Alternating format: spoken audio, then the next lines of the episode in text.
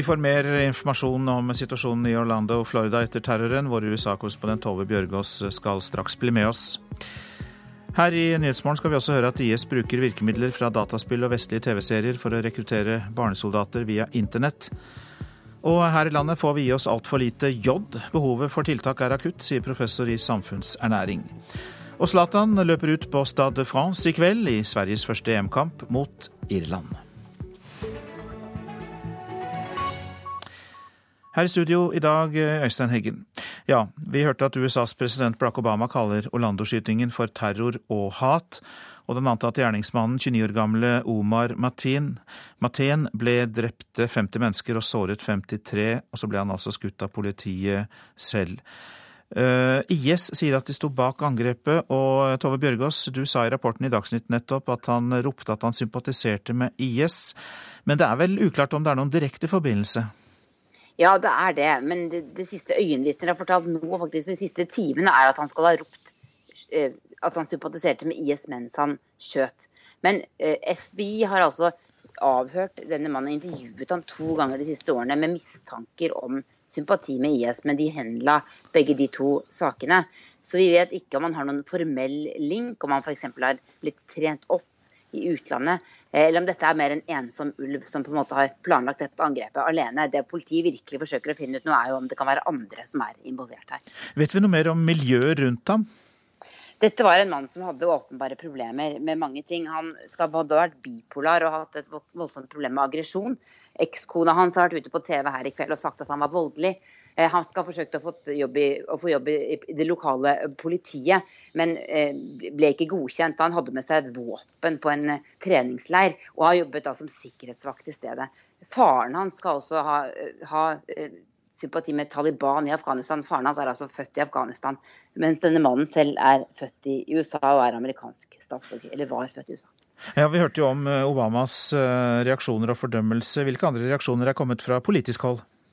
Nei, dette har jo veldig fort blitt veldig politisk. Jeg var overrasket her i går over hvor fort f.eks. guvernøren Rick Scott her i Florida gikk ut og sa at dette er et terrorangrep. Det gjorde han eh, flere timer før politiet antydet det samme.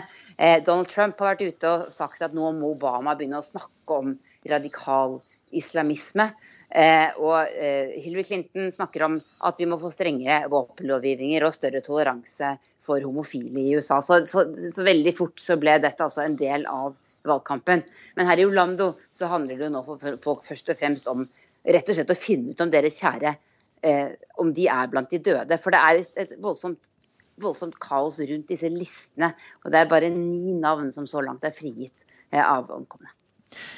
Hva mer vet du om eh, det som skjer eh, av etterforskning og rundt og ved åstedet? Åstedet skal være veldig komplisert å, å, få, altså, å få, hentet inn alle, alle, beviser fra. Når så mange mennesker blir drept på et sted, så er det klart at det tar lang tid å rydde. Eh, så de har stengt av eh, tre kvartaler på hver side av, av åstedet. Og det har kjørt biler ut og inn dit i hele dag. Eh, og etter hva jeg har skjønt, så har også pårørende ikke fått, ikke fått slippe veldig nær. De holdes på et senter eh, i nærheten. Eh, politiet sier at det kommer til å ta tid å få ryddet dette åstedet. Eh, og de har også fått store ressurser fra de føderale myndighetene. FBI har vært der lenge. Og det, som sagt, som jeg sa tidligere, det er veldig viktig å få klarhet i om dette, om dette, var organisert, om det kan være planer om andre angrep. Derfor har til og med politiet gått ut i dag og, og bedt folk her i Orlando om ikke å holde minnemarkeringer, fordi de er redde for eh, nye angrep. Mange takk for den eh, rapporten fra Orlando, Florida. Tove Bjørgaas, eh, som er vår USA-korrespondent. Nordmenn får i seg altfor lite jod. Nå anbefaler Nasjonalt råd for ernæring at alt salt, også det som brukes i matindustrien, blir tilsatt jod. Behovet for tiltak er akutt, spesielt blant unge kvinner og gravide, sier leder i rådet, professor i samfunnsernæring ved Høgskolen i Oslo og Akershus, Liv Elin Thorheim. Mild jodmangel, som er det vi ser i Norge, eh, det kan ha påvirkning på barns eh, mentale utvikling. Og det kan redusere barnets IQ og også forsinke språkutvikling. Torheim er bekymret. Unge kvinner drikker lite melk. Det kan altså få alvorlige konsekvenser. Spis mer meieriprodukter, og spis mer fisk, sier hun. Men det er likevel ikke det beste rådet. Det er saltet vi må gjøre noe med. Det mener Verdens helseorganisasjon, og det mener Thorheim. Det mest effektive tiltaket som når alle, det er å berike salt med jod. Det er nok det mest virkningsfulle. Det sier Linda Granlund, hun er divisjonsdirektør for folkehelse i Helsedirektoratet. Hun innrømmer at dette kan være et vanskelig budskap å selge, all den tid helsemyndighetene ønsker at vi skal spise mindre salt. Vi har sagt ifra til Ernæringsrådet at vi vi ønsker å starte en diskusjon med de for å se på hvilke av disse tiltakene vil være mest effektive for å nå de, de gruppene av befolkningen som har mest eh, behov for det.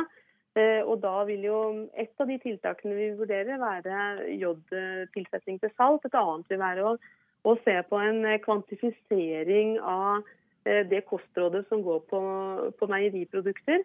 Så vi vil vurdere alle disse tiltakene og se hvilke av de som eh, vil treffe best. Torsk, En torskemiddag på 200 gram, det dekker I mellomtiden blar Torheim i papirer som viser hva og hvor mye vi må spise og drikke for å få i oss nok jod.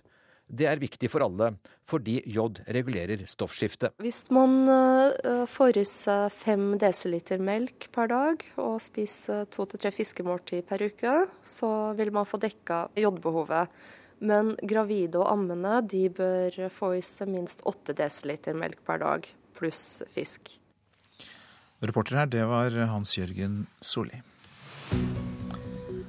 Avisene nå, og flere omtaler terroren i Florida i USA.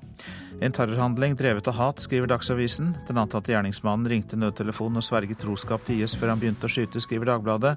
Omar Matin ble etterforsket og avhørt flere ganger, men deretter sluppet løs igjen, kan vi lese i VG. Hvis tragedien i Orlando får politisk betydning, vil den trolig tjene Donald Trump, skriver kommentatoren Frank Rossavik i Aftenposten. Statoils eh, nye gigantutbygging gir arbeid til 14 000 arbeidere i tolv land, skriver Stavanger Aftenblad. Samsung-verftet i Sør-Korea er allerede i gang med å bygge den første av to Johan Sverdrup-plattformer før tidsskjema. Askøys eh, rådmannslønn er doblet i løpet av sju år, får vi vite i Bergens Tidende. De har rekruttert meg i det markedet som er der, sier rådmann Øystein Vennesland, som tjener 1,5 million kroner. Norske rådmenn har opplevd kraftig lønnsvekst, og størst er veksten i store kommuner, skriver avisa. Trønderne er de sterkeste motstanderne av tvangssammenslåing av kommuner, skriver Adresseavisen, som gjengir en landsomfattende undersøkelse fra Respons Analyse. Hele 53% av dem som bor i Trøndelag mener resultatene fra folkeavstemningene uansett bør følges. 4000 inn, 200, nei, 4000 ut skal det være, 200 inn. Det er oppslaget i avisa Dagen. Det har ikke vært noen stor tilstrømning av nye medlemmer til Den norske kirke, selv om den har tatt skritt i mer liberal retning. Mange nøler fortsatt med å melde seg inn, sier leder av Åpen folkekirke, Gard Realf Sandaker Nilsen som også er eh, første åpent homofile leder av Oslo bispedømmeråd. Jernbaneverket unnlot å rette opp en av feilene som ble avdekket i forbindelse med den fatale togulykken på Sjusjøya i Oslo i 2010, skriver Dagens Næringsliv. En av årsakene til ulykken var manglende barrierer som kan stanse løpske jernbanevogner. De var fortsatt ikke satt opp da Statens jernbanetilsyn kom på uanmeldt kontroll fem år etter ulykken. Partiet Rødt eh, varsler eh, ny kurs, eh, skriver Klassekampen. Partileder Bjørnar Moxnes har klart å inngå en avtale med Arbeiderpartiet for å sikre Jonas Gahr Støre statsministerposten dersom Rødt blir representert på Stortinget etter neste valg. Ja, I kveld starter EM for svenskene når de møter Irland i Paris. Og for eh, deres store stjerne Zlatan Ibrahimovic blir det en spesiell opplevelse. For når Zlatan går ut på Stade de France, blir det et gjensyn med en arena hvor han har hatt stor suksess. Vi skal spille denne matchen som vi har lengtet etter. Matchene jeg har spilt her, har har gått bra, om vi sier så. At det gikk bra med Zlatan Ibrahimovic da han spilte klubbfotball for Paris Saint-Germain, er definitivt ingen overdrivelse. I løpet av fire sesonger skåret han 156 mål på 180 kamper. For noen uker siden tok han farvel med klubben. I kveld er han tilbake på Stade France med det svenske landslaget. Og irene de er herved advart om at Zlatan, ja, han er i form. Jeg kjenner meg fortfarande jævlig sterk og eh, jag känner jag blir bedre og bedre for åren som går. Och både mentalt, fysiskt og och det jeg utfører hver dag, spiller fotboll. Og alt sitter i huvudet. Vil du, så kan du. Etter ikke gå rundt og tenker på hva andre sier. Jeg vet hva jeg kan, jeg vet hva jeg vil. Og jeg vet jeg kommer å gjøre det. Intenst, jevnt, der en enkelthendelse kan bli avgjørende, ifølge Hamren. Det er lett å bli nervøs av slikt, men Zlatan Ibrahimovic har ett råd til sine blågule lagkamerater. Det er inn og nyte bare. Inn. Det, det fins ingen større sorg enn å få spille et EM med sitt land.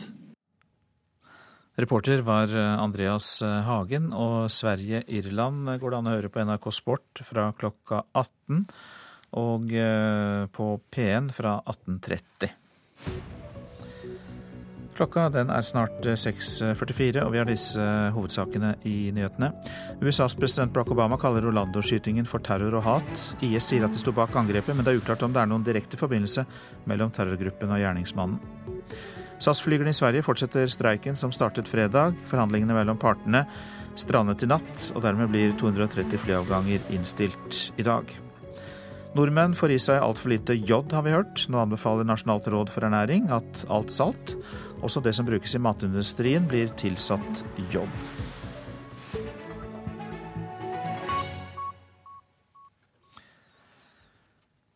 I går eh, så eh, fikk vi jo da eh, vite en nyhet som sjokkerte verden. I Florida i USA ble 50 mennesker drept og over 50 såret etter skyting på en nattklubb.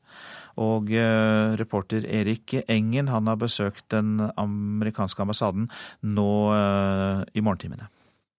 Her er det en kontrastfylt morgen. På den ene siden så bades ambassaden i nydelig morgensol i sommer-Oslo. Det første tegnet som slår deg på at ikke alt er som det skal, er at det amerikanske flagget er fyrt til halv stang. Vis-à-vis -vis ambassaden så er det på gjerdet inn mot eh, Slottet satt opp en eh, god del roser eh, i buketter. Det er tent lys, både telys, fakler og, og gravlykter her. En liten bamse som da vitner om at ikke alt er som det skal. Få ambassader i Oslo har fått slengt mer ukvemsord og hat mot seg, men akkurat i dag og i går så ble dette hatet byttet ut med kjærlighet og medfølelse etter eh, terrorhandlingen i Orlando i Florida. Kanskje har du ikke lagt merke til det før i dag, men eh, i fasaden til ambassaden i annen etasje er det laget et slags regnbueflagg over flere av vinduene. Både ut mot Henrik Ibsens gate og mot Løkkeveien. Dette har vært her ganske lenge, helt siden amerikansk høyesterett eh, opphevet forbudet mot ekteskap mellom to av samme kjønn i USA. Men symbolikken har nok kanskje aldri vært sterkere på den amerikanske ambassaden enn i dag. Det er altså blomster her eh, i dag til en ambassade i sorg.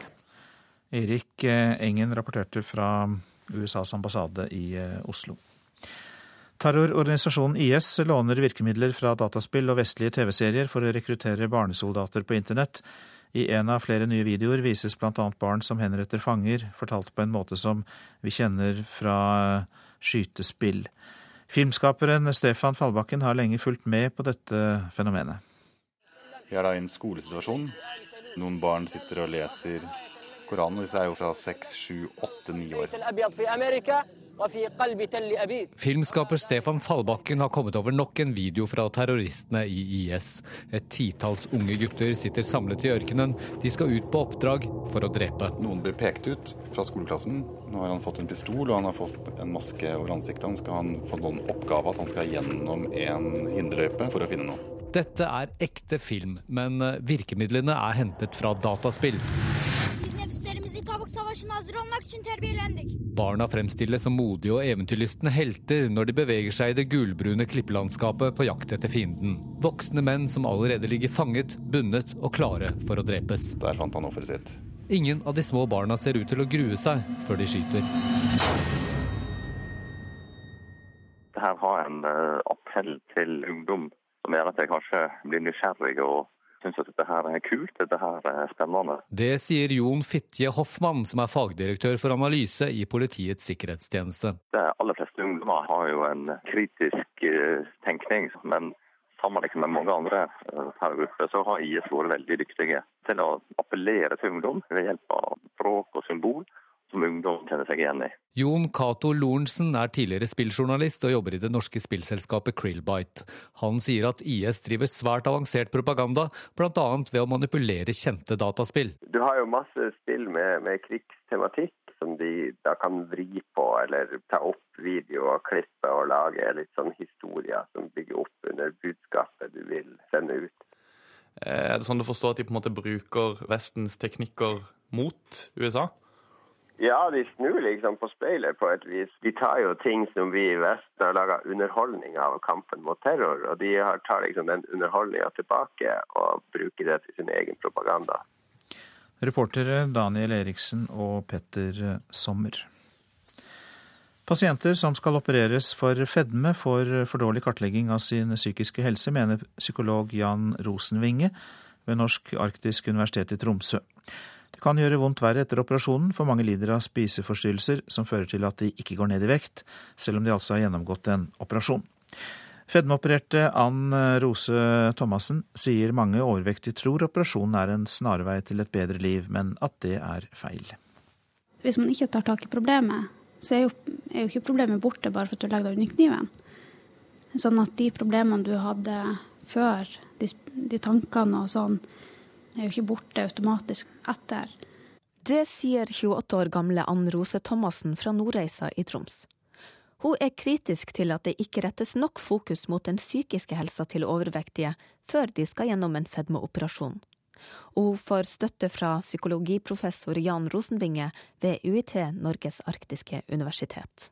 Han er ekspert på spiseforstyrrelser, og sier at de som lider av overspising, kan få det enda verre etter en fedmeoperasjon ja, da kan jo det skje at eh, man faktisk begynner å spise mer. Og det har jo eh, store medisinske komplikasjoner. Man kan jo ikke reoperere pasientene. Totalt sett vil jeg tro at uh, pasienter med en spiseforstyrrelse som blir operert, og som ikke får hjelp til å håndtere spiseforstyrrelsen, de vil få det totalt sett mye verre. Noen kjente bivirkninger er vitaminmangel, tarmsykdommer og gallestein, og de fleste må gå på medisiner resten av livet. Ann Rose Thomassen hadde en tøff oppvekst. Hun ble etter hvert sykelig overvektig, og prøvde alle metoder for å gå ned. I fjor gjennomførte hun en fedmeoperasjon, men hun måtte sjøl oppsøke psykolog i forkant. Jeg har blitt operert i det offentlige og fikk ikke noe utenom en liten sånn liste over spørsmål om det psykiske, så var det ingen som prata om verken Eh, følelser og bruk av mat og sånn i forkant eller etter operasjonen.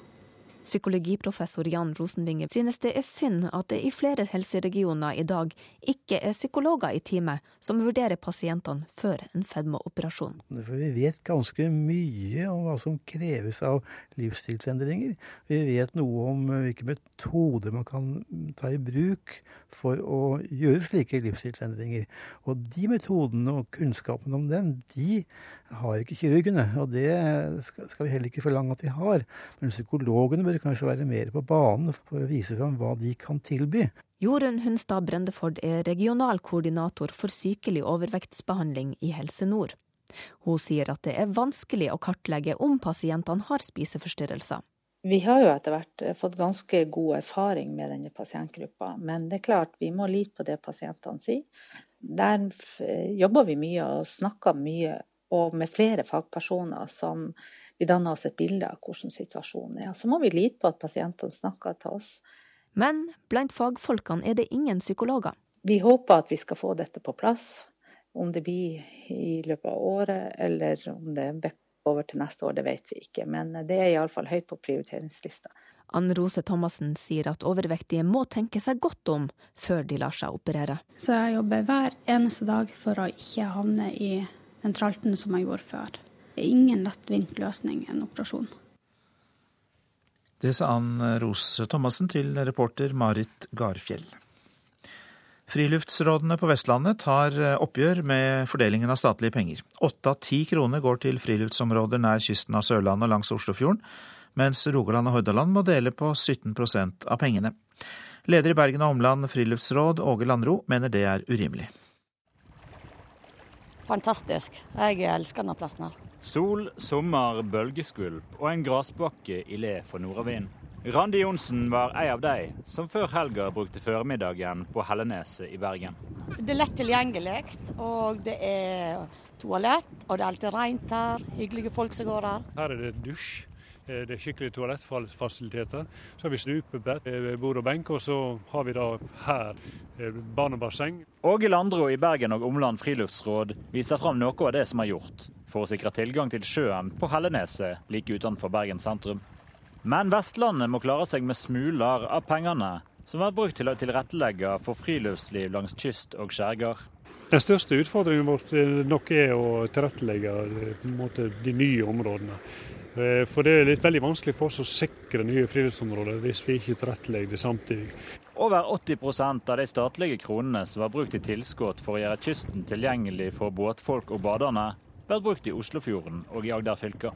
Den lange kysten i Rogaland og Hordaland må dele på 17% Landro mener at det ikke finnes saklige argument for at den folkerike kyststrekninga mellom Stavanger og Bergen må klare seg med tre millioner statlige kroner når de to Agder-fylkene alene stikker av med godt over fem millioner. Nei, det finnes ikke saklige argument for skjevdeling. Tvert imot er det jo slik at vi er de største båtfylkene. Og det er jo naturlig at vi var minst på høyde med Oslofjorden og eh, Skjærgårdsbakken på Sørlandet. I nyere tid har vi merket at svømmeferdighetene i naturlige, under naturlige forhold de er sviktende. Altså drukningsulykker fra båt osv. Eh, slik at vi er interessert i å ta vare på vår arv gjennom å tilrettelegge våre friluftsområder med stupebrett. Slik at ungene får øvd seg for å komme ut i kaldfarten og i bølger og med rur og tang og tare og alt dette som måtte være. Oslofjorden får mer statlige penger, og vi synes det er urimelig. Det sier Jon Askeland fra Senterpartiet, som sitter i styret i Vestkystparken, som er et regionalt samarbeid som skal tilrettelegge for tilgang til kystnære friluftsområder i Rogaland og Hordaland. Han forventer at staten øker potten, slik at Vestlandet kan få sin del av kaka. Nå ønsker vi rett og slett at staten skal eh, lette på trykket her og, og gi oss eh, mer penger, så det blir mer balanse i det, så vi kan få gjøre samme jobben som de gjør på Østlandet. I dag er vi jo soler oss og babyen får leke. Syns jo de bør tilrettelegge her òg, sånn at bergenserne òg kan ha et sted å gå til om sommeren. Jeg kan ikke forstå hvorfor det skal være sånn. Det høres jo helt urimelig ut. Den reportasjen eh, hadde Sølve Rydland laget. Svalbard får sin egen kunstnerresidens med verksted. Regjeringen og flere organisasjoner går sammen om boligen, der både norske og internasjonale kunstnere skal kunne bo og arbeide. Det blir et viktig løft for kulturlivet på Svalbard, sier kulturminister Linde Hofstad Helleland. Som en del av regjeringa sin eh, nordområdesatsing og Svalbard-satsing, så ønsker vi å etablere en eh, kunstnerresidens med også et eh, verksted, hvor vi kan tilby kunstnere fra hele verden til å komme og ha et opphold på Svalbard, eh, og for å, å lage eh, kunst og få inspirasjon mm, i helt unike omgivelser. Kulturminister Linda Hofstad Helleland er i dag på Svalbard for å få på plass de praktiske detaljene rundt etableringen av et slikt kunstnersenter med boliger og atelierer. Det er Kulturdepartementet som har tatt initiativet til det som blir en egen stiftelse. Samarbeidspartnere er Nordnorsk kunstmuseum, Office for Contemporary Arts og stiftelsen Dronning Sonjas kunstnerstipend, i tillegg til lokalstyret i Longyearbyen og Sysselmannen. Kunstnerresidensen skal huse kunstnere fra både inn- og utland, og fra flere kunstfelt. Kultursjef i lokalstyret i Longyearbyen, Unn Martinsen, er sikker på at det blir en berikelse politikerne våre i lokalstyret bruker 10 millioner kroner i året på kultur. Så eh, vi er veldig glad for at eh, det kommer eh, andre aktiviteter som kan supplere og som kan, kan gjøre kultursektoren enda mer attraktiv i Longyearbyen. Nordnorsk kunstmuseum etablerte i fjor en filial i Longyearbyen, og ser kunstnerresidensen som en naturlig forlengelse av aktiviteten sin der. Direktør Jeremy McGowan, som selv er fra veltempererte Nord-Carolina i USA, tror det blir en smal sak å lokke utlendinger til Arktis. Det er et stort interesse internasjonalt i nordområdene, ikke bare Svalbard, eh, som gjør det relativt lett å kunne involvere folk. Når man tar kontakt og vil jobbe med folk som, som sitter i andre verdensdeler, det er på en måte relativt lett å, å få de opp Reporter var Thomas Alvarstein Ove. Vi tar med at et litografi av Munch-maleriet 'Skrik' eh, kan dra inn opptil 14 millioner kroner når det auksjoneres bort i London neste uke. Det stammer fra samlingen til eh, Olaf Skau og er priset til mellom 800 000 og 1,2 millioner pund, skriver Dagens Næringsliv. Så tar vi for oss værvarselet. Sør-Norge fint vær mange steder, men lokale ettermiddagsbyger i indre strøk, særlig da på Østlandet. Det vil også være utrygt for torden nord for Mjøsa. Rundt eh, Stad kan det bli nordøst liten kuling. Nordland og Troms for det meste skyet og perioder med regn. Også i Finnmark blir det skyet og perioder med regn. I tillegg så blir det i kveld økning til nordlig liten kuling eh, i eh, Varanger. Spitsbergen skiftende skydekke og stort sett oppholdsvær. Og så tar vi med oss temperaturene målt klokka fem. Svalbard lufthavn fire. Kirkenes, Vardø og Alta sju. Tromsø-Langnes fem. Bodø og Brønnøysund sju. Trondheim-Værnes fem. Molde sju. Bergen-Flesland åtte. Stavanger ti. Kristiansand-Kjevik og Gardermoen begge seks grader. Lillehammer ni. Røros null. Og Oslo-Blindern åtte grader.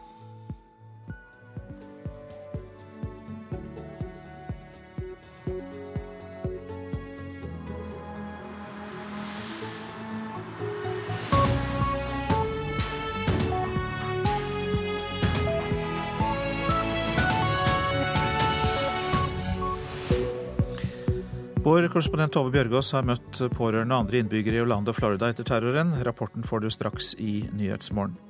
Ingvild Endestad i Foreningen for kjønns- og seksualitetsmangfold er eh, kommet til studio for å dele sine følelser med oss etter hvert eh, om terroren mot nattklubben Pulse i Orlando. Frankrike forbereder seg på mer bråk når de russiske og engelske supporterne forflytter seg fra Marseille til byer i Nord-Frankrike. Og I dag vedtar trolig Stortinget regjeringens forslag om å knytte Norge til EUs finanstilsyn. Jurister og samfunnsøkonomer advarer. Finansminister Siv Jensen svarer i Nyhetsmorgen.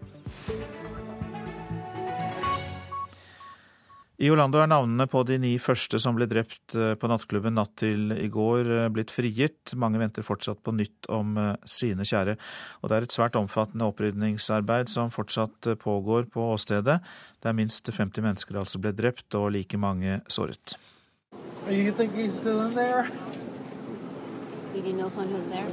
Yes. Yes. Tror du han fortsatt er der inne? Spør en mann meg og ser over mot politisperringene. Han gråter og savner en venn. Det er mange som gjør det i Orlando nå. Politiet har frigitt de første ni navnene på drepte. Åtte menn, de fleste tidlig i 20-årene, og én kvinne. There having a great time at a club, and then you hear what sounds like fireworks or balloons popping, and Ken Moss vet at listen vil bli mye lenger.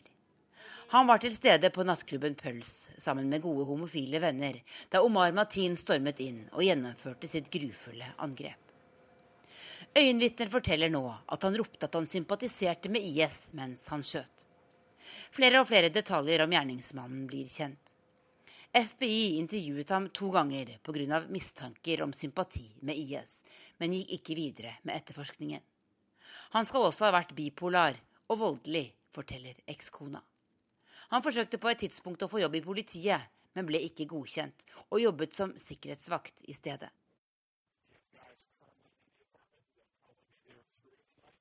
Martins leilighet, ikke så langt fra Orlando, ble ransaket i natt, forteller sheriff Ken Mascar. FBI og lokalt politi jobber på spreng for å få klarhet i at angrepet ikke sprang ut av en terrorcelle. Politiet her ber også lokalbefolkningen vente med å holde minnemarkeringer, fordi de har så mye å gjøre at det er vanskelig å sørge for sikkerheten ved slike. I en kirke og på den største LHBT-klubben i byen samlet folk seg likevel i natt.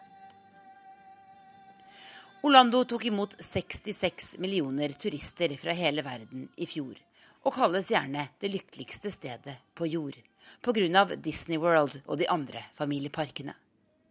Men nå er det sorgen som preger denne byen. Dagen etter den verste skytemassakren i moderne amerikansk historie, og det verste terrorangrepet på amerikansk jord siden 11.9.2001. Tove Bjørgaas, Orlando. Ingvild Endestad, takk for at du kommer til Nyhetsmorgen. Du er leder av organisasjonen FRI, Foreningen for kjønns- og seksualitetsmangfold. Og hvilke tanker gjorde du deg etter terroren? Nei, det var jo et, det var en tung dag i går. Vi starta vår pride-måned dagen før med eh, parade gjennom regnbuen i, i, Bergen. Og det var masse folk, vi var tusenvis av mennesker som feira, og så våkner vi opp til denne nyheten dagen etterpå. Og det blir jo veldig nært. Eh, og i dag har det sunket enda mer inn når disse navnene begynner å komme opp. Og da blir det endelig tydelig at dette dessverre handla om eh, at det var homofile på den nattklubben. Hvilken betydning har den type nattklubber som Pulse i Orlando? De er jo ikke bare et, eh, et, sted for å treffes, det er et sted for nettverk, det er et sted for politisk aktivitet. Og for veldig mange så er det en av de få trygge stedene man har. Mange der oppleves som familie, man kjenner de som jobber der. Eh, og jeg tror veldig mange også her i Norge tenker seg hvilken klubb det hadde vært dersom det hadde skjedd her. Det var jo også der vår moderne homokamp starta, på nettopp et sånn type utested eh, i New York. Og I fjor så sa Høyesterett i USA ja til homofile ekteskap. Eh, hva har skjedd med homofiles rettigheter i løpet av relativt kort tid i USA? Nei, det vi har sett, som vi ser en del andre steder, at når vi får gjennomslag for saker, så kommer det en voldsom backlash. De som ikke var enig i at, at uh, lesbiske, homofile og transpersoner skulle ha rettigheter, prøver å, å begrense de fortsatt. Så man har sett massivt antall lovforslag som skal f.eks. begrense eh, muligheten til å få servering dersom den som serverer, ikke eh, syns at det er i samstemme med deres religion. Og så har vi også sett eh, lover som skal forby transpersoner å gå på de toalettene de ønsker. Hvordan påvirker denne type tilbakeslag, da, eh, backlash, eh, som du sier, det homofile miljøet? Da tenker jeg vel både på USA og Norge? Nei, vi prøver jo i hvert fall å, å advare om at, at, kampene ikke er vunnet en gang for alt. Det er jo at det ofte kommer til å være. Det ser vi også f.eks. med Kirkemøtet i Norge. At når man fikk gjennomslag for likekjønna ekteskap, så, så, er det mange av de som konservative og reaksjonære kreftene som går ut og sier at dette skal vi gjøre alt vi kan for å forhindre. Eh, men det er klart at denne her situasjonen er jo helt, eh, helt spesiell og, og fryktelig tragisk. Og det er klart vi går inn i en periode nå hvor vi skal feire men hvor vi også skal kjempe. Og det er ingen tvil om at dette kommer til å påvirke de ukene som nå kommer, og Oslo Pride som starter på fredag. Hvilken innvirkning vil det kunne få på Oslo Pride? Jeg tror ikke, Så vidt vi vet, så kommer det ikke til å ha noen innvirkninger sånn direkte sikkerhetsmessig. Og sånn der er vi i dialog med politiet alltid. Men eh, det jeg har sett, er at det er ganske mange som ønsker nå å gå i parade, og som ser betydninga, og som skjønner at, at den friheten som vi kjenner på her, og den type frihet som jeg kjente på når jeg gikk i Bergen på lørdag, ikke er noe vi kan ta for gitt, og noe vi må jobbe for hele tida. Så jeg tror kanskje at det kommer til å bli større enn noensinne. Takk skal du ha. Takk skal du ha. Ingvild Endestad, som altså er leder av organisasjonen FRI, Foreningen for kjønns- og seksualitetsmangfold. Frankrike forbereder seg på mer bråk når de russiske og engelske supporterne forflytter seg fra Marseille til byene Lille og Lens i Nord-Frankrike. Mer politi og sikkerhetspersonell samt alkoholforbud er noen av tiltakene franske myndigheter nå tyr til for å hindre nye opptøyer. Og hvis det blir mer bråk, så truer Uefa, altså det europeiske fotballforbundet, med å kaste både England og Russland ut av mesterskapet. And what the FA would say to England fans is, look, you know, support your team, respect the locals where you're, you're staying. Direktøren i det engelske fotballforbundet, Martin Glenn, har en innstendig bønn til sine supportere. Den beste måten dere kan støtte laget deres på, er å ha respekt for lokalbefolkningen der dere er. Ta en øl, syng en sang, men vis respekt. Hvis ikke blir det problemer. På lørdag var stemningen alt annet enn respektfull. Den var hatsk og kaotisk. I likhet med hele fotball-Europa fordømmer Glenn oppførselen til gruppen av supportere som lagde bråk både på og utenfor arenaen i Marseille. Men direktøren i FA er mest rystet av det som skjedde inne på Stade Velodrome, da russiske supportere angrep engelske. Well, it was shocking. It's not, I've not seen scenes like that in a football stadium for, for, for decades. Um, det var sjokkerende. Jeg har ikke sett lignende scener på et fotballstadion på flere tiår. Sperringene mellom supporterne var tydeligvis ikke gode nok til å stoppe de forferdelige scenene vi så. Det må ha vært skremmende for de som var involvert.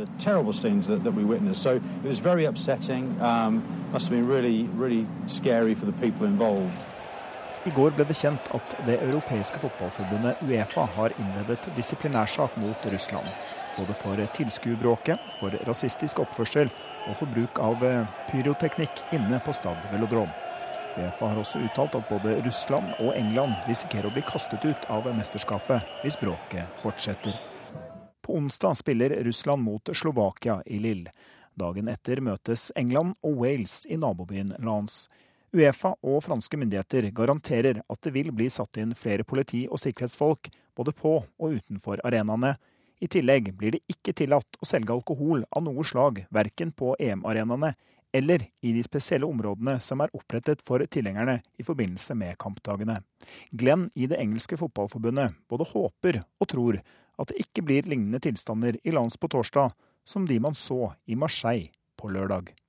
We're, we're not worried about the game going ahead on Thursday. I don't think we're looking at that. And we're going to work very closely with the Football Association of Wales to make sure that we're giving consistent information to our fans. Uh, Vi er ikke bekymret for kampen på torsdag. Vi samarbeider godt og tett med det walisiske forbundet. Alkoholforbudet vil også gjøre omstendighetene helt annerledes. Kim Peder Rismyr og Andreas Hagen var reportere. Og nå har vi med oss europakorrespondent Tore Tollersrud i eh, Paris. Ja, tror du at denne uroen eh, kommer til å fortsette i Lille og Lens? Ja, det kan man jo ikke se bort fra. Kanskje særlig kampen mellom, eh, mellom Wales og England på torsdag i Lens er en skikkelig høyrisikokamp. Og Dessverre så var det jo slik at supportervolden den fortsatte i går. Da var det en kamp eh, i Lill mellom eh, Tyskland og Ukraina. Og tyske fotballpøbler, eh, et femtitall som er kjente, var involvert i disse trefningene. Og det skal også ha vært episoder i, i Paris alle fotballpøbler eh, skal ha vært i trefninger med kroatiske fans. Og Oppsummert så er det nå 63 personer som er pågrepet i forbindelse med vold siden turneringen begynte. Og Den begynte jo da bare for noen dager siden. Og dette er det verste en har sett siden 1998. og Da var det fotball-VM. Også den gangen så var det her i Frankrike. Hva slags diskusjoner fører det da til i Frankrike etter alt dette bråket, og at det er eh, i gang så tidlig med så mye bråk? Nei, dette har jo eh, satt eh, sitt preg på, deste, på, på, dette mesterskapet. og Spørsmålet er hvordan man skal komme dette til livs. Det var jo veldig mye diskusjon i forkant om eh, sikkerhet. Eh, og det kan ikke si at det mangler på sikkerhet når franskmennene har satt av 90 000 sikkerhetspersonell til å overvåke dette her. Allikevel så er det altså eh, regulære gateslag som foregår rundt disse kampene og setter preg på dette mesterskapet. Eh, så er det spørsmål hva skal man gjøre. Vi har jo hørt at Uefa da truer med å kaste ut Russland og England. Eh, allerede i går, så vil det, eh, unnskyld, allerede i morgen så vil Uefa komme med en reaksjon i forhold til Russland og i forhold til det som skjedde på tribunen. Og Diskusjonen går jo på også hvilke sikkerhetstiltak som gjelder inne på stadion. Det var jo veldig spesielt at disse russiske supporterne så enkelt kom til de engelske. altså De klarte å forsere noen gjerder, noen sperringer, som jo alt var, var altfor dårlige. Og politiet var eh, heller ikke til stede eh, for å hindre at eh, russiske og engelske fans kom i kontakt med hverandre. Så Det var også, går også da diskusjon på om, om man har de riktige tiltakene for å unngå vold rundt disse kampene i EM i fotball. Mange takk skal du ha, europakorrespondent Tore Tollersrud i Paris. Dette er Nyhetsmorgen. Klokka nærmer seg 7.16, og vi har disse hovedsakene. Massedrapsmannen i Orlando, USA, sa han holdt med IS før han begynte å skyte, forteller vitner. Nordmenn får i seg altfor lite jod når han befaler Nasjonalt råd for ernæring at alt salt, også det som brukes i matindustrien, blir tilsatt jod. SAS-flygerne i Sverige fortsetter streiken som startet fredag. Forhandlingene mellom partene i SAS-konflikten i Sverige strandet i natt, og dermed så blir 230 flyavganger der eh, innstilt eh, i eh, dag. Stortinget kommer i dag til å vedta regjeringens forslag om å knytte Norge til EUs finanstilsyn gjennom overvåkningsorganet ESA. Flere jurister har advart mot å hastebehandle saken fordi Grunnloven svekkes. Professor ved Universitetet i Bergen, Halvard Haukeland Fredriksen, er en av dem som eh, anbefalte en eh, grundigere politisk vurdering. Og Vi føler oss jo litt som juridiske troublemakere, fordi vi ser jo også at det er et stort behov for å få løst denne saken uttalte jusprofessor Halvard Haukland Fredriksen da han i mai stilte til stortingshøringen om å legge Norges finanstilsyn under Brussel. Det ville være fint om Stortinget kunne tenke nøye gjennom dette før man, før man eh, avgjør denne saken, for denne saken vil få presedensvirkninger. Innsigelsene ble ikke hørt. Konsekvensen er at Norge kommer til å gi fra seg noe suverenitet, sier Fredriksen. Vi overfører eh, utøvende makt, og vi overfører også dømmende makt. Fordi disse vedtakene kan jo ikke overprøves av norske domstoler. Det er særlig finansnæringen som har det travelt, for de ønsker samme vilkår som konkurrentene i EU. Leder i Finans Norge, Idar Kreutzer, er glad for at saken vedtas nå, selv om det er uklart hva finansnæringen ville tapt på en grundigere gjennomgang i Stortinget. Eh, det er flere som har vært innom hva er egentlig kostnaden ved fravær av denne løsningen. Og så langt så har kostnaden vært begrenset. Det er også vanskelig å måle kostnaden for den usikkerheten som har oppstått, og den usikkerheten som kan oppstå av og til så er et alternativ å kjøpe tid. Sier Erik Reinert, professor ved Det teknologiske universitetet i Tallinn, som også deltok på høringen. I dag har et stort flertall på Stortinget varslet at de vil vedta saken og gjøre som Finansdepartementet og finansnæringen ønsker. Fremover blir det vanskeligere å bruke Grunnloven som argument i forhandlinger med EU, sier Fredriksen. Problemet her er egentlig at uh norske myndigheter ganske enkelt ikke har forhandlingsstyrke nok til å få EU med på bedre løsninger. Ja, Men har du ikke tillit til at uh, Finansdepartementet, juristene og økonomene der har gjennomgått alle sider ved denne saken? Departementet har helt sikkert uh, gjort sitt beste. Uh, problemet er bare at det man ender opp med fremdeles er ingen veldig god løsning. Hva har dette å si for eventuelt andre næringer fremover? Jeg vil tro at dette får presedensvirkning for eh, kommende saker som gjelder EUs energitilsyn, Telekom, datatilsyn. Når Norge på denne nå signaliserer at vår grunnlov gir mulighet for den løsningen man nå har fremforhandlet.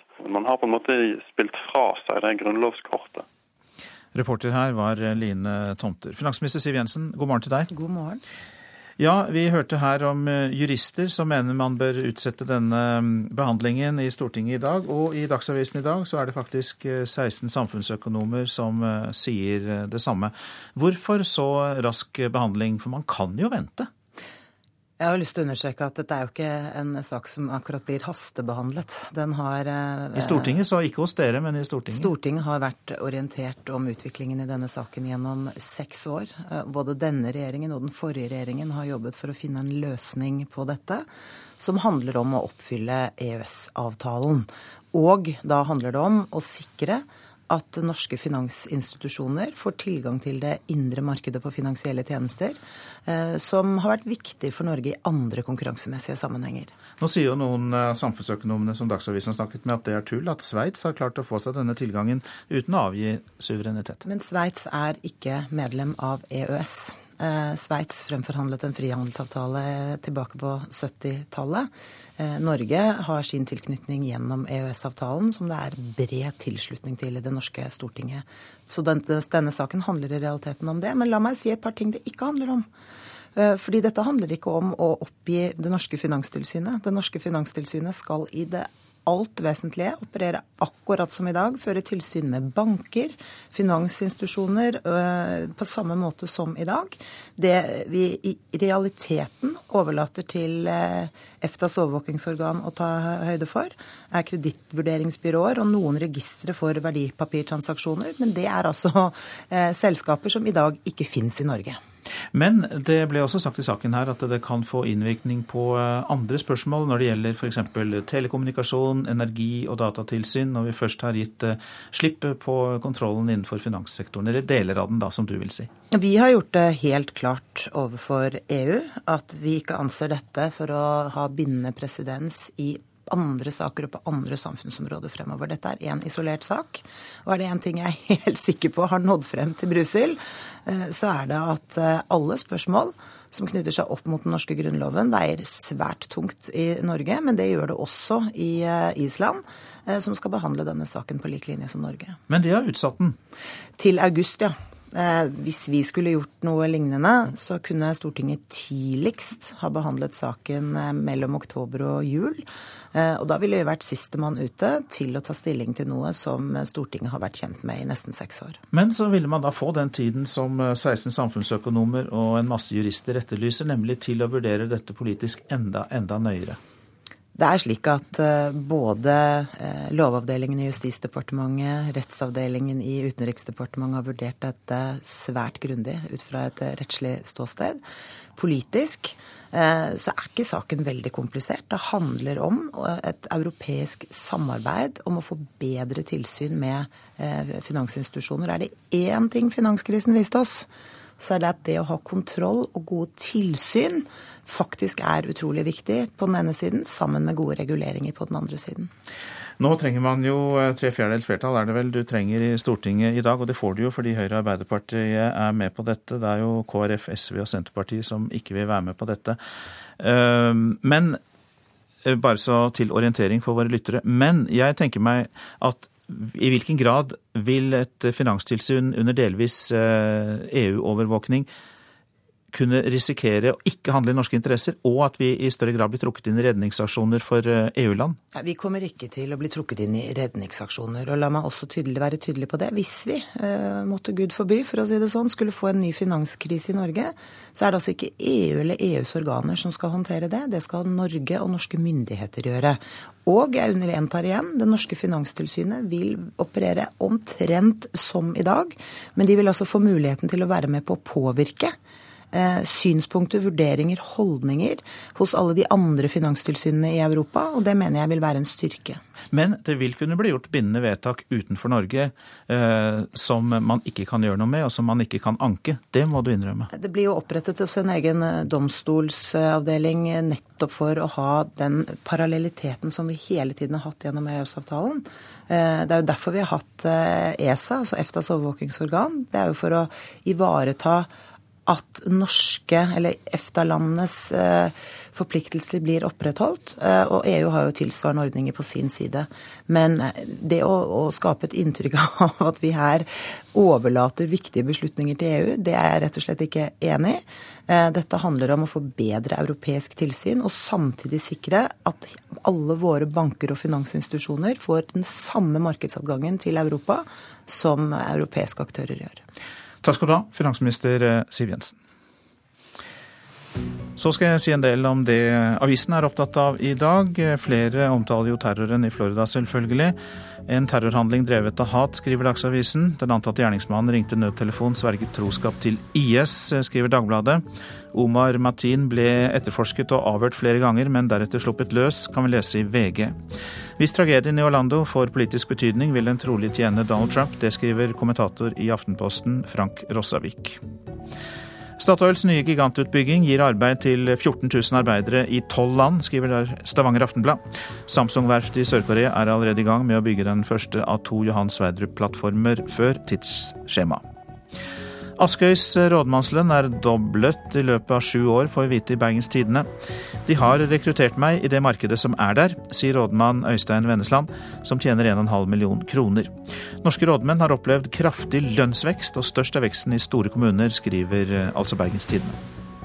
Trønderne er de sterkeste motstanderne av tvangssammenslåing av kommuner. Det er Adresseavisen som forteller oss det, og gjengir en landsomfattende undersøkelse fra Respons Analyse. Hele 53% av dem som bor i Trøndelag mener resultatene fra folkeavstemningen uansett bør følges. 4000 ut, 200 inn, er oppslaget i avisa Dagen. Det har ikke vært noen stor tilstrømning av nye medlemmer til Den norske kirke, selv om den har tatt skritt i mer liberal retning. Mange nøler fortsatt med å melde seg inn, sier leder av Åpen folkekirke, Gard Realf Sandaker Nilsen, som også er eh, den første åpent homofile leder av Oslo bispedømmeråd. Fruktsesongen i Hardanger i fjor ble en sesong med rekordmye skadet frukt. Fylkesmannen har mottatt hele 146 søknader om erstatning, og så langt er beløpet kommet på hele 7,8 millioner kroner. Og fylkesmannen i Hordaland har ikke sett noe lignende før. Dette her er et eh, aromatre. Og så her er det litt eple i år. Eh, jeg syns vel eh, det ser bra ut på alle, alle eplesorter i år. Mellom eplerastene på Lofthus går fruktbonde og leder Ullensvang hagebrukslag Magnus Åpedal rundt og sjekker årets knytinger på trea. Med mange fine soldager og med en god varme ser ting førebels mye bedre ut enn på samme tid i 2015. I fjor var jo eh, veldig, veldig kaldt. Jeg tror faktisk på den tida her så var det fremdeles blom på trærne. Det skjedde egentlig ingenting sto egentlig bare og uh, sturte. da ble lite frukt av, av, alle fruktslag. Det var en del, eh, en del, ytre skader på den frukten, og for så vidt indre skader òg. I tillegg så ble jo um, antall kilo veldig, veldig lågt i forhold til hva en hadde, hadde håpet på. Det er vel det svakeste vi har hatt på ja, bortimot 50 år. Og det viser òg igjen på de rekordmange søknadene om avlingsskadeerstatning som fylkesmannen i Hordaland har mottatt fra fruktbøndene i Hardanger.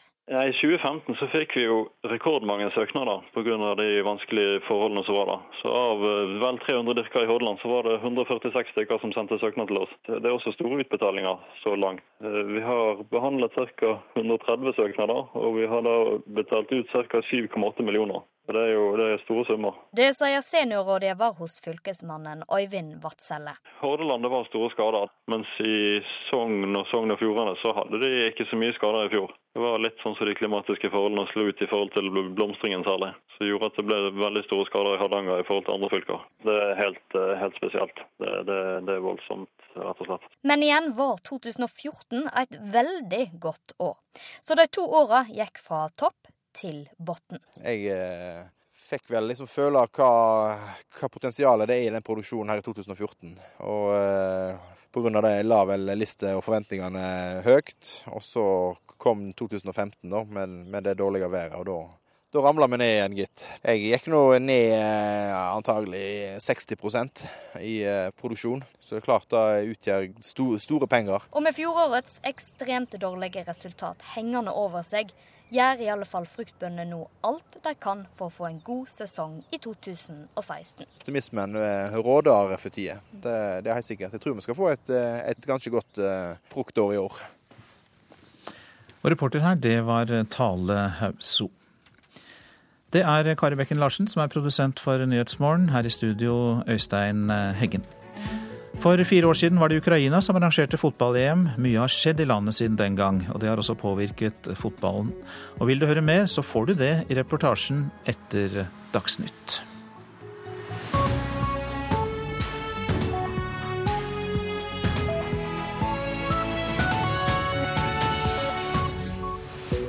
Omfattende etterforsknings- og opprydningsarbeid på åstedet i Orlando, Florida, der minst 50 mennesker ble drept og like mange såret. Vi skal høre mer om det her i Nyhetsmorgen. Og at det er stor motstand mot at homofile har fått flere rettigheter i USA. Det sier Foreningen for kjønns- og seksualitetsmangfold. Stortinget kommer i dag til å vedta at det norske finanstilsynet blir underlagt EU-organet ESA. Nødvendig for å delta i EUs finansmarked, mener finansminister Siv Jensen. Det er altså et svært omfattende opprydningsarbeid som fortsatt pågår på åstedet der 50 mennesker ble drept og like mange såret i Orlando i Florida.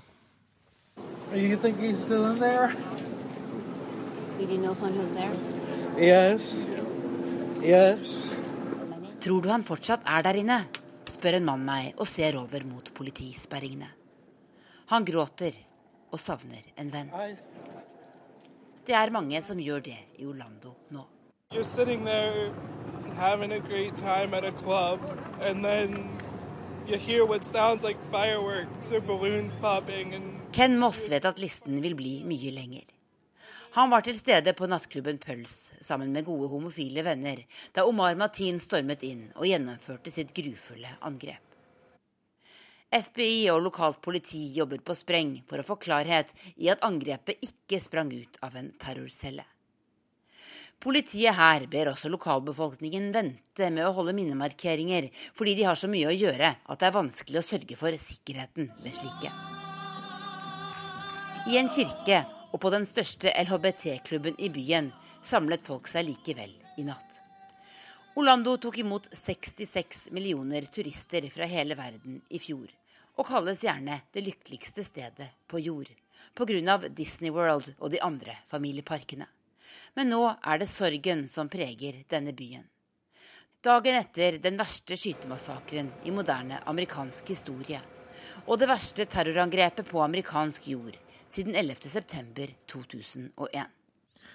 Det sa altså korrespondent Tove Bjørgaas, og myndighetene i Orlando har frigitt navn på 15 av de 50 som ble drept i skytemassakren. Utenriksmedarbeider Wenche Eriksen, hva vet vi om ofrene?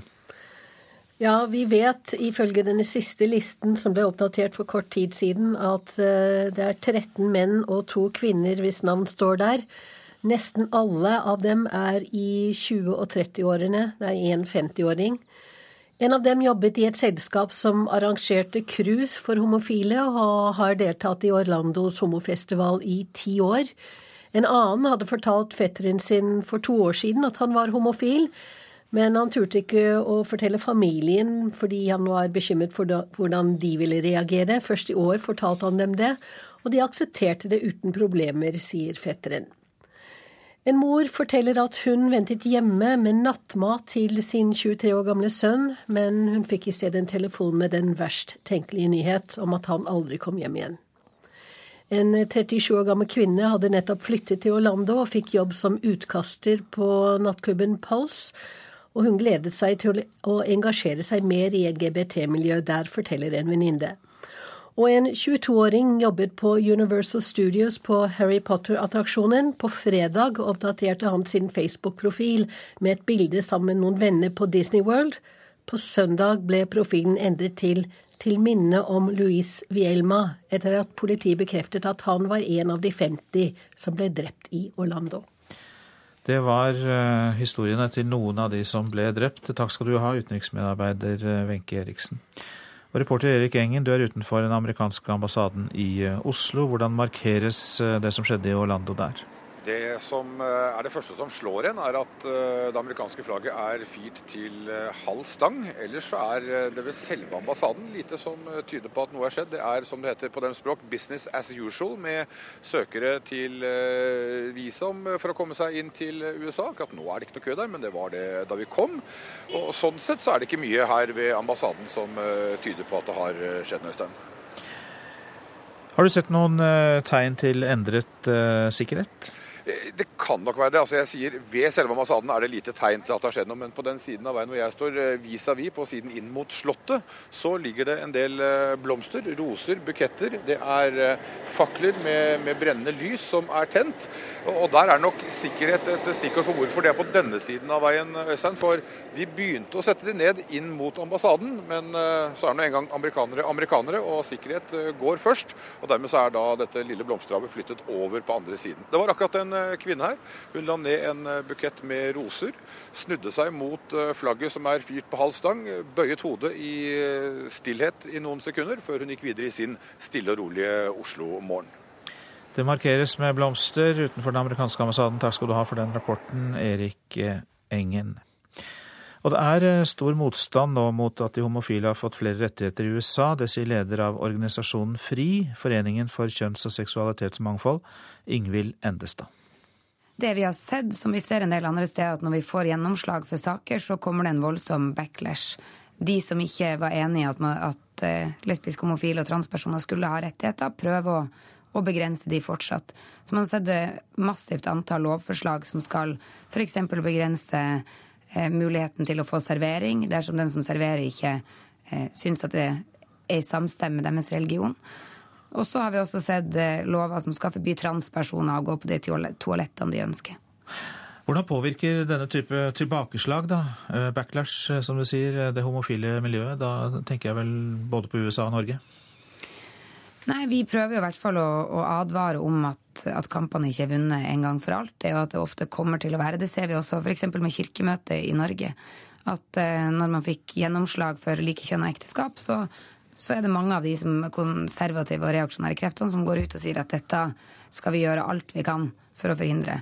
Ehm, men det er klart at denne her situasjonen er jo helt, eh, helt spesiell og, og, fryktelig tragisk. Og det er klart vi går inn i en periode nå hvor vi skal feire, men hvor vi også skal kjempe. Og det er ingen tvil om at dette kommer til å påvirke de ukene som nå kommer, og Oslo Pride som starter på fredag. Lederen av eh, Foreningen for kjønns- og seksualitetsmangfold, Ingvild Endestad.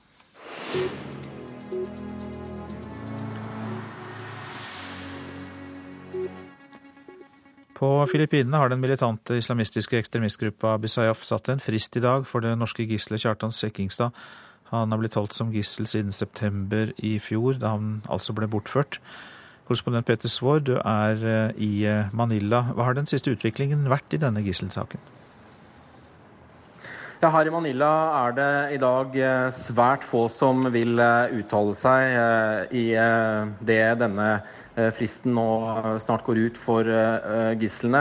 Vi har snakket med det filippinske føderale politiet nå i morgentimene her, og de ønsker ikke å gi mange kommentarer annet enn å si at det fortsatt pågår en aksjon mot Abu Sayyaf sør på Filippinene. Eh, eh, den filippinske hæren har en egen eh, innsatsgruppe som har jobbet i flere måneder nå med å få disse gislene fri, men har foreløpig få resultater å vise til. Og den norske ambassaden her i Manila ønsker ikke engang å snakke med oss på telefon. De sier de har fått fullstendig munnkurv fra å snakke med journalister, og henviser til Utenriksdepartementet i Oslo. Så, så, så slik sett er det eh, lite offisiell informasjon eh, å få herfra om eh, noen utvikling for gislene. De ble altså tatt som, som gisler allerede i september i fjor, og har jo da eh, sittet nå i rundt ni måneder i fangenskap. Men i løpet av disse månedene Peter Svår, vet man noe mer om hva som kan ha blitt gjort for å få gislene fri, selv om myndighetene vil si lite? Ja, Det vi kan utlede fra den forrige videoen som disse gisseltakerne la ut eh, på nettet i april, det er at det har vært en kontakt mellom eh, gisseltakerne og den canadiske ambassaden her i eh, Manila. En kontaktperson ved den canadiske ambassaden. Ellers er det jo ingen som har ønsket å si særlig mye om hva slags kontakt som har forekommet. Derimot har Canada gått stadig kraftigere ut og sagt at de ikke kommer til å betale løsepenger. Og de oppfordrer også, de bruker også denne gisselsaken eh, for å forsøke å få andre land med seg på et forbud internasjonalt mot eh, løsepenger, selv om det setter egne statsborgere i fare. Argumentet fra eh, kanadiske myndigheter er jo da at det å eh, utbetale løsepenger overhodet bare gjør situasjonen eh, verre og øker faren for nye kidnappinger eh, frem i tid mot egne lands borgere. Og dette tok tok eh, Canada bl.a. til orde for under G7-toppmøtet i Japan for noen uker siden. Hva vet vi om denne gruppa Abu Sayyaf, eh, hvor sterkt den står? Eh, ja, De fleste her på Filippinene regner jo ikke dette for å være noen spesielt stor gruppe. Det er snakk om mellom 200 og 400 soldater eh, sør på Filippinene, så det er faktisk en ganske liten eh, gerilja, om man kan kalle det det. Og mange spør seg jo også hvordan i all verden denne gruppen klarer å eh, overleve eh, mot, eh, med en filippinsk hær som er dem på mange måter fullstendig overlegne. Samtidig så er jo disse gisseltakingene en eh, viktig inntektskilde for Abu Sayyaf. Det er det som finansierer deres deres eh, våpenkjøp og, og, deres drift. Og det er også mange her på Filippinene som spør seg om eh, ikke disse løsepengene og den industrien det har blitt, eh, ikke også andre, kommer andre til gode, og at det er det som er årsaken til at de fortsatt kan holde på. Mange takk skal du ha, korrespondent Peter Svaar fra Manila. Klokka er 8.44, og dette er eh, hovedsaker i nyhetene. Massedrapsmannen i Orlando sa han støttet IS før han begynte å skyte, forteller vitner. Men det er uklart om det er noen direkte forbindelse mellom terrorgruppen og gjerningsmannen. Navnet på 15 av de 50 som ble drept, er eh, frigitt. Mange nordmenn lider av jodmangel. Behovet for tiltak er akutt, spesielt blant unge kvinner og gravide, sier professor i samfunnsernæring. Og SAS-streiken fortsetter i Sverige. Det betyr at 230 flyavganger fra svenske flyplasser blir innstilt i dag. Frankrike forbereder seg på mer bråk når de russiske og engelske supporterne nå forflytter seg fra Marseille til byene Lille og Lens i Nord-Frankrike. Mer politi og sikkerhetspersonell samt alkoholforbud er noen av tiltakene franske myndigheter nå tyr til for å hindre nye opptøyer. Og Hvis det blir mer bråk, så truer det europeiske fotballforbundet med å kaste både England og Russland ut av mesterskapet. And what the FA would say to England fans is, look, you know, support your team, Direktøren i det engelske fotballforbundet, Martin Glenn, har en innstendig bønn til sine supportere. Den beste måten dere kan støtte laget deres på, er å ha respekt for lokalbefolkningen der dere er. Ta en øl, syng en sang, men vis respekt. Hvis ikke blir det problemer. På lørdag var stemningen alt annet enn respektfull. Den var hatsk og kaotisk. I likhet med hele fotball-Europa fordømmer Glenn oppførselen til gruppen av supportere som lagde bråk både på og utenfor arenaen i Marseille. Men direktøren i FA er mest rystet av det som skjedde inne på Stad Velodrom, da russiske supportere angrep engelske. Well, it was shocking. It's not, I've not seen scenes like that in a football stadium for, for, for decades. Um, det var sjokkerende. Jeg har ikke sett lignende scener på et fotballstadion på flere tiår. Sperringene mellom supporterne var tydeligvis ikke gode nok til å stoppe de forferdelige scenene vi så. Det må ha vært skremmende for de som var involvert.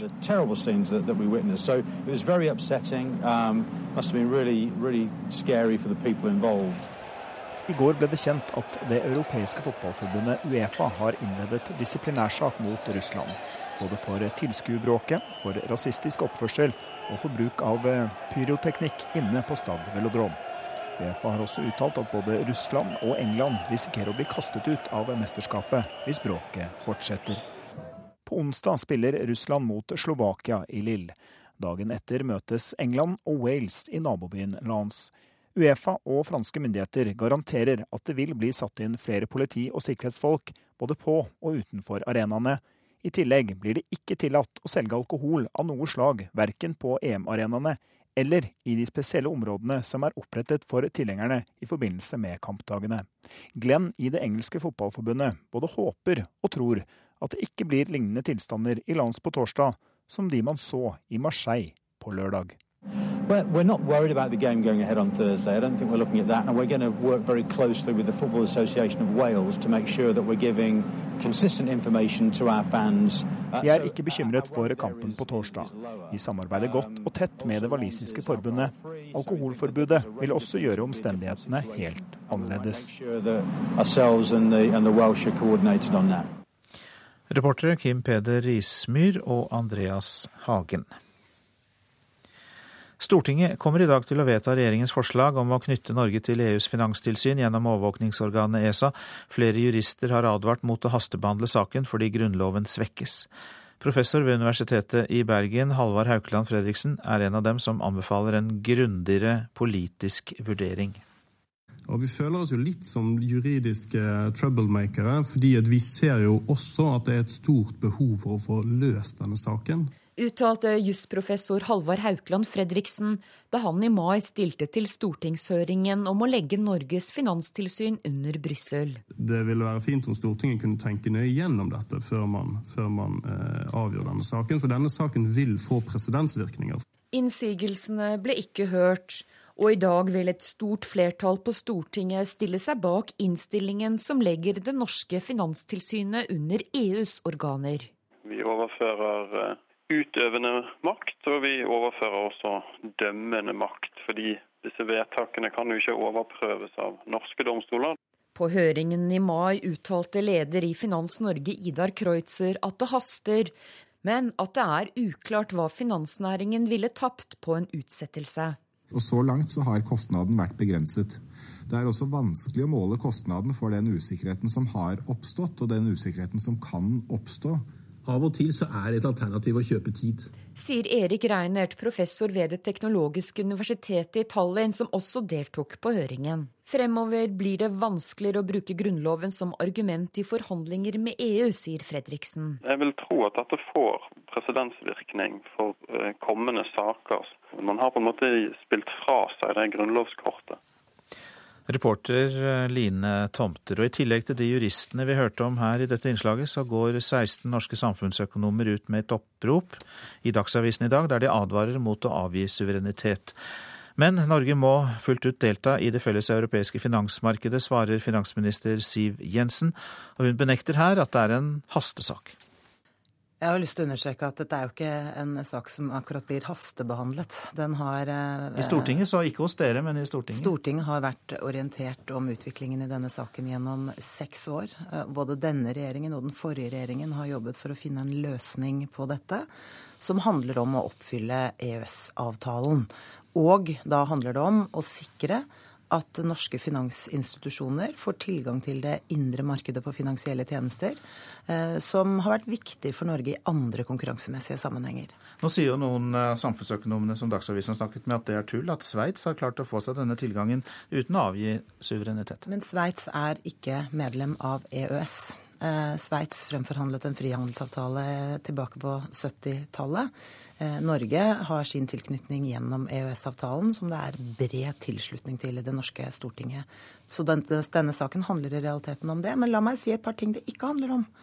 Eh, fordi dette handler ikke om å oppgi det norske finanstilsynet. Det norske finanstilsynet skal i det alt vesentlige operere akkurat som i dag, føre tilsyn med banker, finansinstitusjoner øh, på samme måte som i dag. Det vi i realiteten overlater til øh, EFTAs overvåkingsorgan å ta høyde for, er kredittvurderingsbyråer og noen registre for verdipapirtransaksjoner. Men det er altså øh, selskaper som i dag ikke fins i Norge. Men det ble også sagt i saken her at det kan få innvirkning på eh, andre spørsmål når det gjelder f.eks. telekommunikasjon, energi og datatilsyn, når vi først har gitt slippet slipp på kontrollen innenfor finanssektoren, eller deler av den, da, som du vil si? Vi har gjort det helt klart overfor EU at vi ikke anser dette for å ha bindende presedens i andre saker og på andre samfunnsområder fremover. Dette er én isolert sak. Og er det én ting jeg er helt sikker på har nådd frem til Brussel, eh, så er det at eh, alle spørsmål som knytter seg opp mot den norske grunnloven, veier svært tungt i Norge. Men det gjør det også i eh, Island, som skal behandle denne saken på lik linje som Norge. Men de har utsatt den? Til august, ja. Hvis vi skulle gjort noe lignende, så kunne Stortinget tidligst ha behandlet saken mellom oktober og jul. Eh, og da ville vi vært sistemann ute til å ta stilling til noe som Stortinget har vært kjent med i nesten seks år. Men så ville man da få den tiden som 16 eh, samfunnsøkonomer og en masse jurister etterlyser, nemlig til å vurdere dette politisk enda, enda nøyere. Det er slik at eh, både Lovavdelingen i Justisdepartementet, rettsavdelingen i Utenriksdepartementet har vurdert dette svært grundig ut fra et rettslig ståsted. Politisk så er ikke saken veldig komplisert. Det handler om eh, et europeisk samarbeid om å få bedre tilsyn med eh, finansinstitusjoner. Er det én ting finanskrisen viste oss, så er det at det å ha kontroll og gode tilsyn faktisk er utrolig viktig på den ene siden, sammen med gode reguleringer på den andre siden. Nasjonalt råd for ernæring anbefaler at alt salt blir tilsatt jod, fordi så mange av oss lider av jodmangel, spesielt unge kvinner og gravide. Selv mild og moderat jodmangel før og under et svangerskap kan ha negative konsekvenser for et barns utvikling, sier leder av rådet, Liv Elin Thorheim. Hun er professor i samfunnsernæring ved Høgskolen i Oslo og Akershus. Mild jodmangel, som er det vi ser i Norge, eh, det kan ha påvirkning på barns eh, mentale utvikling. Og det kan redusere barnets IQ og også forsinke språkutvikling. Unge kvinner drikker lite melk og de spiser lite fisk. De er heller ikke flinke nok til å bruke kosttilskudd med jod. Helsemyndighetene ber oss bruke mindre salt, men Ernæringsrådet setter sin lit til saltet, bare det blir tilført jod. Ja, Vi sier at uh, vi kan også være oppmerksom på at melk og fisk inneholder jod, og vi anbefaler helsemyndighetene å gi kostanbefalinger for meieriprodukt for å sette søkelys på at uh, melk er en viktig jodkilde. Men uh, det mest effektive tiltaket, som når alle, det er å berike salt med jod. Reporter her var Hans Jørgen Solli. Og fra gode ernæringsråd til fedme. Pasienter som skal fedmeopereres får for dårlig kartlegging av eventuelle spiseforstyrrelser på forhånd. Det mener både eksperter og pasientene selv. Fedmeopererte Anne Rosé Thomassen er kritisk til at det ikke er nok oppmerksomhet om psykisk helse før operasjonen. Hvis man ikke tar tak i problemet, så er jo, er jo ikke problemet borte bare for at du legger deg under kniven. Sånn at de problemene du hadde før, de, de tankene og sånn, er jo ikke borte automatisk etter. Hun får støtte fra psykologiprofessor Jan Rosenvinge ved UiT Norges arktiske universitet. Han er ekspert på spiseforstyrrelser, og sier at de som lider av overspising, kan få det enda verre etter en fedmeoperasjon. Ja, Da kan jo det skje at man faktisk begynner å spise mer. Og det har jo store medisinske komplikasjoner. Man kan jo ikke reoperere pasientene. Totalt sett vil jeg tro at uh, pasienter med en spiseforstyrrelse som blir operert, og som ikke får hjelp til å håndtere spiseforstyrrelsen, de vil få det totalt sett mye verre. Han synes det er synd at det i flere helseregioner i dag ikke er psykologer i teamet som vurderer pasientene før en fedmeoperasjon. Vi vet ganske mye om hva som kreves av livsstilsendringer. Vi vet noe om hvilke metoder man kan ta i bruk for å gjøre slike livsstilsendringer. En god dose selvinnsikt og vilje til å lykkes gjorde at Ann Rose Thomassen sjøl tok kontakt med psykolog før fedmeoperasjonen. Hun mener at det er avgjørende for et vellykka resultat. Hun er kritisk til tilbudet som gis i Helse Nord og andre helseregioner i dag. Det mangler gode fagfolk, gode nok fagfolk, nok informasjon og et godt nok tilbud for å sikre at folk er mentalt skikka for å ta en operasjon. Og fra Helse Nord så eh, får vi vite at de der jobber med å få på plass et psykologtilbud for folk som tar eh, fedmeoperasjon. Reporter Marit Garfjell. Statsmeteorolog Siri Wiberg Horjen, god morgen til deg. God morgen. Landet er jo todelt, som det av og til er. Sol i sør og overskyet i nord, så vidt jeg har hørt. Ja, det er egentlig ganske ofte at landet vårt er delt i to. Det er jo ganske langt. Eh, jeg kan eh, jo si litt mer detaljert hvordan det blir. Spitsbergen eh, får litt varierende skydekke i dag. Det blir stort sett oppholdsvær, også perioder med sol. Mens Finnmark får gråvær og perioder med regn, og så vil det blåse fra øst med frisk bris på utsatte steder. I kveld nordlig liten kuling i øst. Troms og Nordland får også en skyet dag med regnbyger, og det er ganske kaldt, rundt en syv til ti grader.